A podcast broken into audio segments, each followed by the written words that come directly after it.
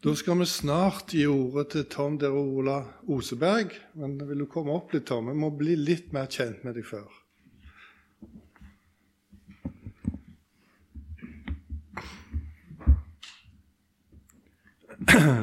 Du er ikke opprinnelig rogalending, Tom. Det vil vi høre da du snakker. Hvor er du kommet fra? Jeg kommer fra Bamble i Telemark. Og vi kaller oss for bamlinger. Og du kom til Rogaland i Eh, Jeg kom til Rogaland og begynte på Åna fengsel i ja, hva blir det nå? I 1996. Ja. Og da var du ingen kristen da du kom til Rogaland, stemmer det? Det stemmer. Ja. Det stemmer. Eh, Men du hadde noen kristne venner som hadde veldig omsorg for deg. Ja. Og en dag så fikk du noe spesielt av det. Vil du fortelle litt om det? Ja, det, det begynte vel så langt som jeg kan se, at mamma ble sjuk. Og eh, jeg ringte til en kristen kamerat og hørte om han kunne be for eh, mamma. Om at hun kunne bli frisk. Og eh, han skulle be og få med seg flere andre i bønn. Og mamma blei jo frisk. Og jeg reiste til de og begynte å, å takke de for at de ba til Gud for mamma. ja Og så fikk du noe av de. Ja. Eh, jeg fikk en mengde andaktsbøker og oppbyggelsesbøker. Eh, kanskje en sånn med Rosenius husandaktsbok og forskjellige gode saker. Og eh, reiste hjem og sukka litt. Skulle jeg begynne å lese nå, jeg som liksom holdt på med VG og Dagbladet og fjernkontrollen på TV-en. Så, men jeg, jeg tenkte jeg, jeg begynner med den minste andaktsboka. Det var denne. 'Daglig brød' av Carl Fredrik Wisløff. Den begynte han. Ja. Og da forteller du, Tom, at du slo opp datoen for den dagen. Det var 15. februar. Ja. Ja. Og der leste du denne andakten. Du satte deg i godstolen ja. og leste den andakten. Og så var det et par setninger jeg skal lese til slutt i andakten. Men husk at veien til Gud heter anger og tro på Jesus. Som de gamle sa, å tro er å komme til Jesus med sine synder. Det leste du. Hva skjedde? Ja. Akkurat det stansa jeg veldig for, og jeg leste det høyt mange ganger. Og så begynte jeg da å reflektere kort over livet, at, at eh, det bånda ned med at jeg var en synder. Men da er jo Jesus for meg. Og så kom det minneordet som vi hadde på søndagsskolen. Jesus er veien, sannheten og livet. Det ploppa ned i hjertet mitt. Og fra den stunda der så, så har jeg vent meg til Jesus, og gjør det fortsatt. Så du ble rett og slett frelst i godstolen hjemme i stua. Ja, det ble jeg. Ja. Det forteller litt om hva litteratur òg betyr. Vær så god, Tom. Da gir vi ordet til deg.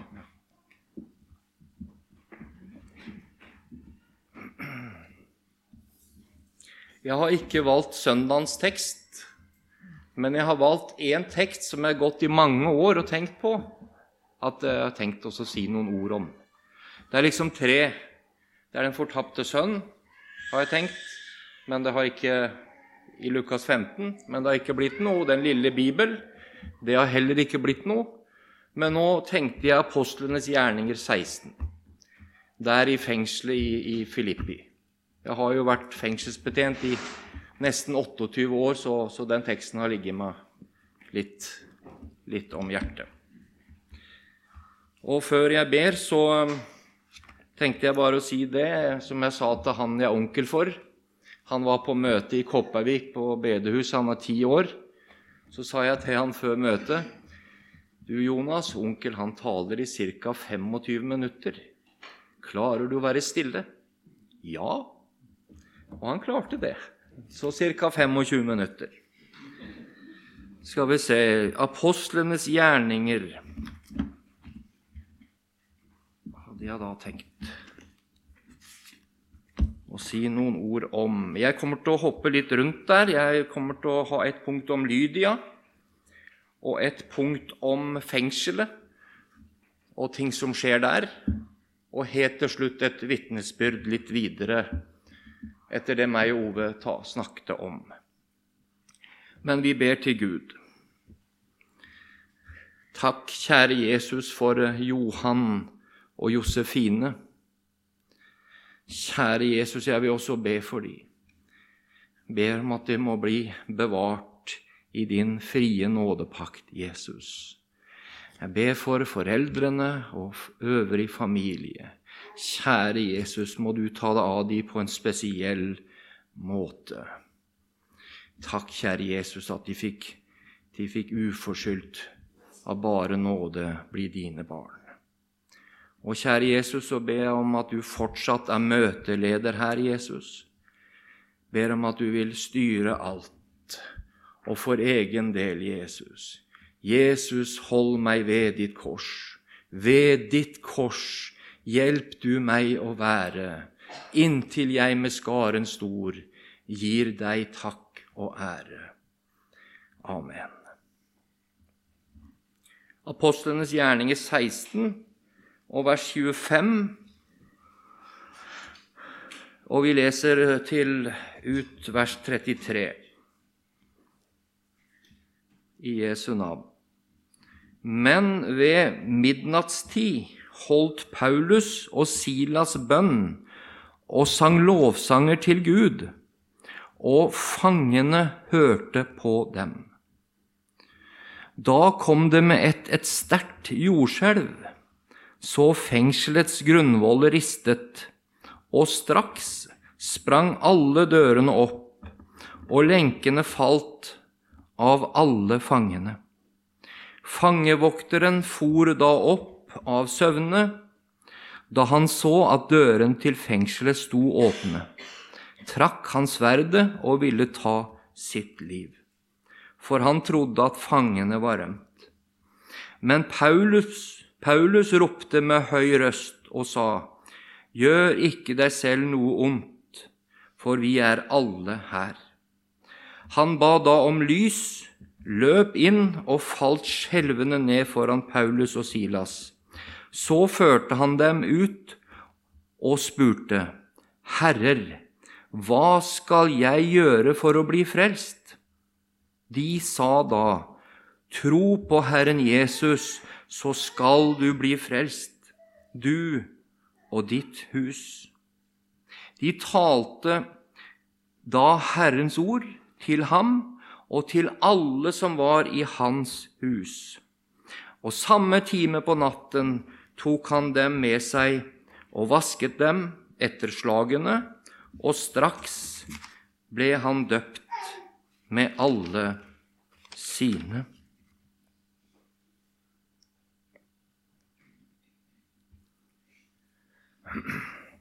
Jeg hadde tenkt å si noe om Lydia som vi hører om tidligere her i, i apostlenes gjerninger 16. Lydia mener man at var ei enke og forretningskvinne der i Filippi, som i dag er i Hellas. Hun dreiv med handel av dyrebart tøy.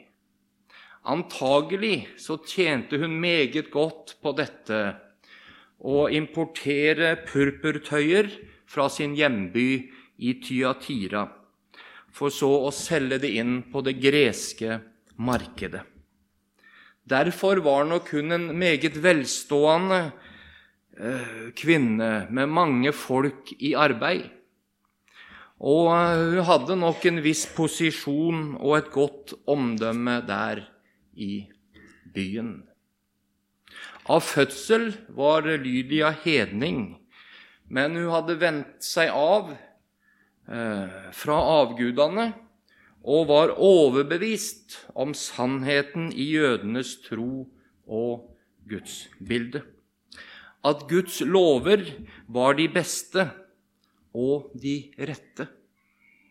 Men midt oppi alt det rette opplevde hun en hunger og at hun liksom ikke passet inn i bildet. For hele hennes indre ville jo være slik som Gud sa var rett. Men her skorta det. Hun var en av dem som Jesus talte om, som hungrer og tørster etter rettferdighet. Nå er det sabbat, og hun sitter nede ved elva sammen med noen få jødiske kvinner ved bønnestedet. Denne sabbaten så talte Paulus, og under talens gang så hører vi apostlenes gjerning i 1614. Hun hørte på, og Herren åpnet hennes hjerte, så hun gav akt på det som ble talt. Eksakt hva Paulus taler om, vet vi ikke, men Bibelen sier oss det slik. Ham forkynner vi. Kolossebrevet 1. Altså Jesus forkynte de. Og han la nok vekt på å vise ut ifra Skriftene at Jesus er Messias, Guds sønn, verdens frelser. Du, Jesus, han vet hva du og jeg trenger mest. Han vet at selv om du ikke har noen synlige riper i lakken, var du likevel fortapt uten hans rensende blod. Du og jeg trenger å bli renset for alle våre synder. Og det kan bare skje gjennom Jesu blod. Jesaja sier noe sterkt og mektig. Han sier det slik Straffen lå på ham. Hvorfor det? Jo, for at vi skulle ha fred. Straffen lå på Jesus som levde et liv som vi ikke makter, fordi vi ikke kan være syndfrie. Vårt liv oppfylte Jesus på alle punkter i stedet for oss. Han gjorde aldri en synd i tanker, ord og gjerninger. Han var fullkommen. 100 rein. Så tok Jesus all verdens synd over seg i hele dens format. Ja, Bibelen sier at han blei gjort til synd for oss. Han som var helt hvit, blei helt svart. Du, Gud la også alle dine synder på Jesus sitt legeme opp på korset, hvor Jesus mottok syndens lønn, altså døden, slik at du skal få leve ved ham. Ja, Bibelen sier at han gjorde fred ved blodet på hans kors. Jesus er vår fred. Og du skal få høre evangeliet om det som Jesus allerede har gjort for deg. Så vil Den hellige ånd avsløre at dette er din eneste redning. Bibelen sier i Jesaja 55, vers 3.: Vend øret hit og kom til meg. Hør, så skal deres sjel leve. Og jeg vil opprette en evig pakt med dere og gi dere Davids rike nåde. Og jeg syns det er så godt å, å, lese og synge denne sangen på, på, på 246 vers 1.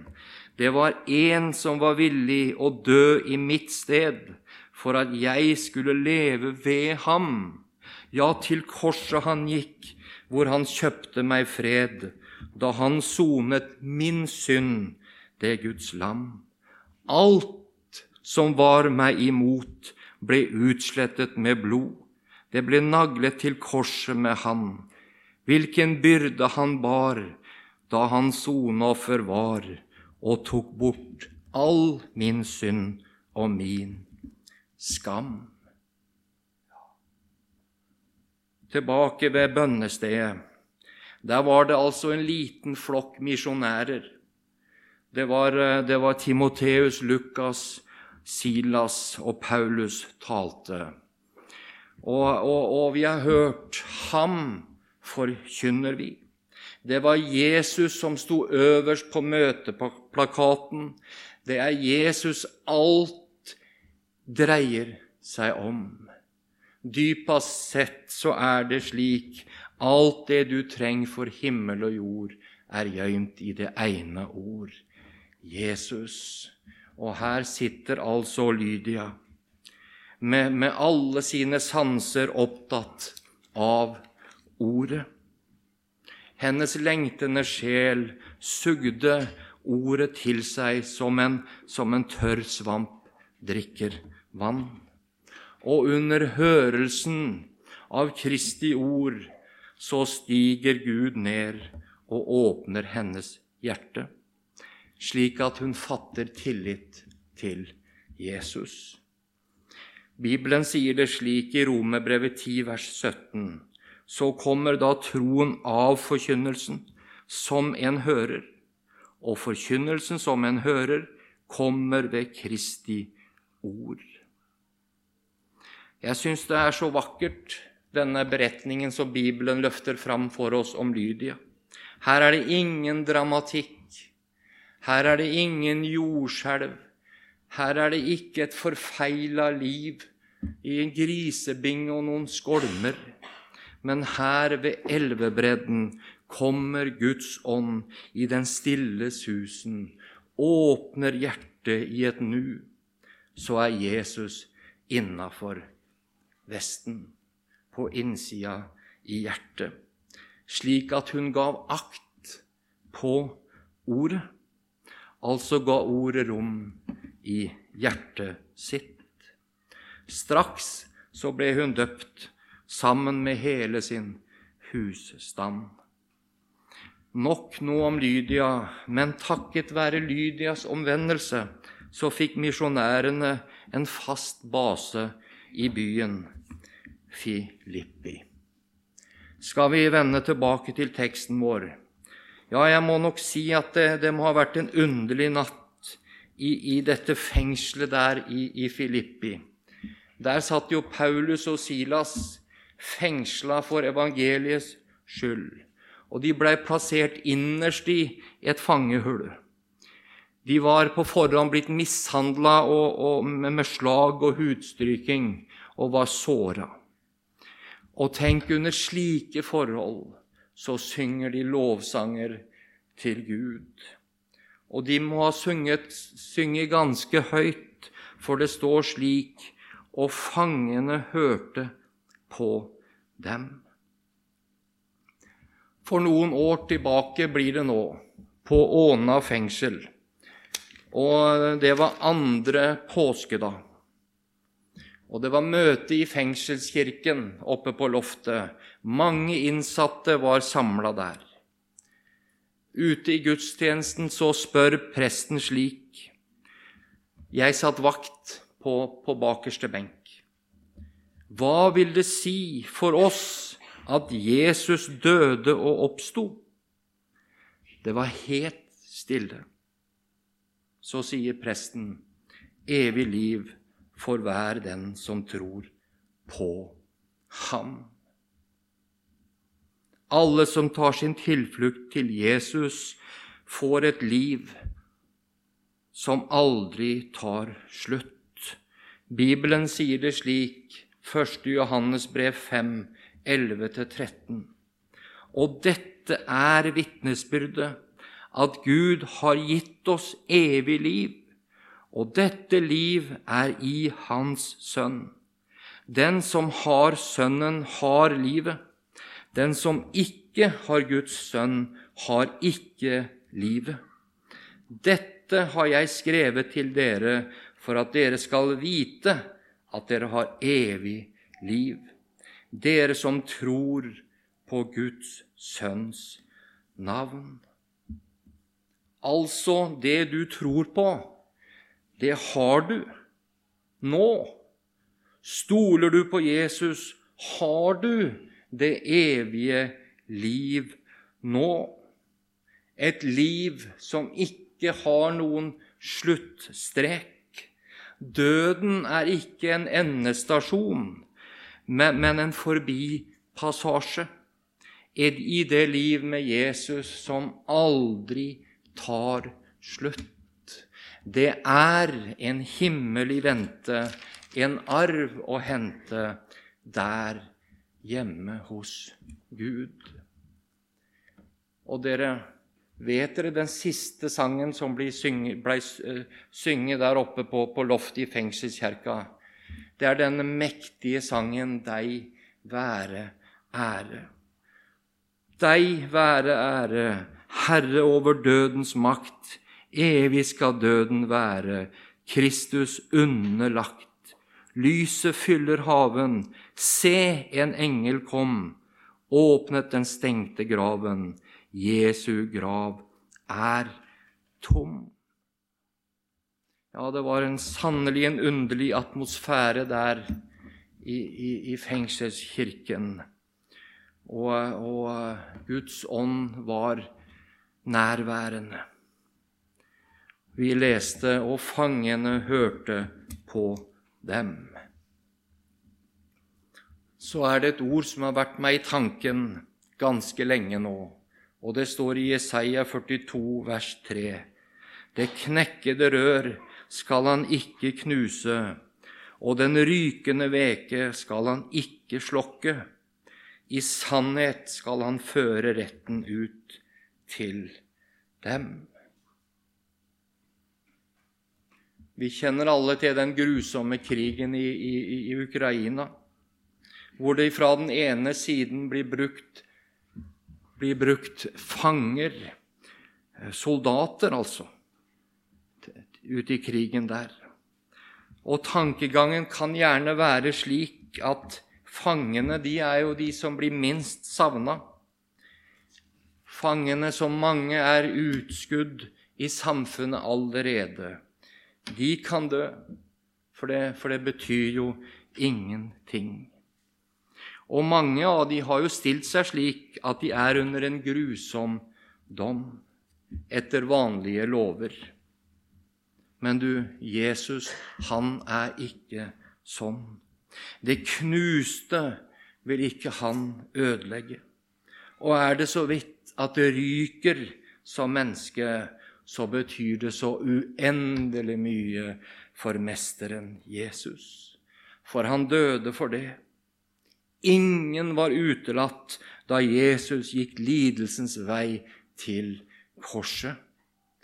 Jesus vil ha alle. Ikke en så ussel er at ei Jesus har ham kjær. Han kan frelse nå og her. Jesus vil ha alle. Og vi minner oss røveren på korset. Han hadde et langt synderegister på sin samvittighet, uten mulighet eller evne til å rette opp noe av det gale som han hadde gjort. Og nå gikk det raske skritt mot dommen og døden. Hva skjedde? Han vendte seg til Jesus i bønn. En eneste tanke til Jesus i hans rike var bønnebegjæret. Og du, paradisets herlighet blei svaret. Han fikk nåde for de siste minuttene her på jord. Han fikk nåde inn i himmel og salighet. En røver frelst. Så hørte vi også i teksten vår at det blei jordskjelv. Billy Graham sier om dette slik.: Paulus og Silas holder en sang- og takkegudstjeneste midt på natten i Filippi fengsel, og Gud, som så ned fra himmelen, sa amen. så ettertrykkelig at fengselsveggene skalv og dørene sprang opp.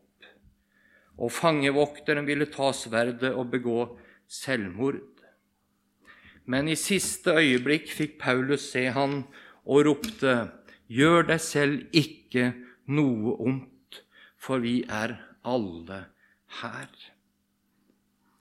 Jeg kaller ham for fengselsbetjent. Tenk denne fengselsbetjenten. Han, han hadde jo lova styresmaktene å passe ekstra godt på fangene. Og før her så må han ha gått noen streifrunder rundt i fengselet og ha hørt eh, disse to, Paulus og Silas, synge om Jesus før han sovna. Og så blir han vekt opp midt i et jordskjelv. Du, tenk å sovne på vakt. Jeg vet det som fengselsbetjent, i hvert fall i Norge, så ville det blitt en alvorlig disiplinær sak. Og, og, og det hadde vært en oppsigelsesgrunn. Men her så hadde han mest sannsynlig blitt ført ut på torvet og blitt torturert, og det hadde venta en dødsstraff. Så kommer altså denne fengselsbetjenten i nød. Han var en hykler. Han hadde lova noe og ikke gjort det. Og han var også en løgner. Og han kommer i nød og synker ned på kne med spørsmålet, 'Herrer, hva skal jeg gjøre for å bli frelst?' Du har dette spørsmålet om frelse for sjelen rørt seg i ditt hjerte. Mange kristne, gjerne de fleste, har det helt klart for seg å frelsesvisshet. Men nå er det ikke alle andre, nå er det jeg. Jeg. Hva skal jeg gjøre for å bli frelst? Tro på den Herre Jesus, så skal du bli frelst, du og ditt hus. Ja, denne nådige innbydelsen, denne oppfordringen til å ta imot Jesus, som allerede ligger ferdig. For Bibelen forkynner 'Kom, for alt er ferdig'. I sommer så sitter meg og kona ved, ved stuebordet, og plutselig så plopper det inn en tekstmelding til Øyvor. Og hun blei glad og måtte fortelle meg hva det sto i den. Og der var det et bilde det var noen venner som hadde tatt et bilde av ei bakrute på et bil. Og Der sto det, sto det et kors og et hjerte, og så sto det 'Jesus paid it all'. Jesus betalte det alt. Alle dine synder i fortid, nåtid, framtid. Jesus har betalt det alt. Jesus han ble straffa for alle synder i ditt sted og sona alt med sitt blod. Kom, for alt er ferdig. Evangeliet lover frelse og evig liv uten betingelse. Ja, evangeliets løfte er et helt fritt løfte, hvor vi blir erklært rettferdige av Gud. Romerbrevet 3,24 sier, og de blir rettferdiggjort uforskyldt av Hans nåde ved forløsningen i Kristus Jesus. Her står det ingenting noe med, med liten skrift eller med at det er visse smådetaljer som vi må oppfylle før vi kan komme. Nei, ikke engang troen er en betingelse for at evangeliet skal gjelde. For det er ikke vår tro som er årsak til at Gud tilgir oss. Årsaken for tilgivelsen er ene og alene Jesus. Ja, han alene.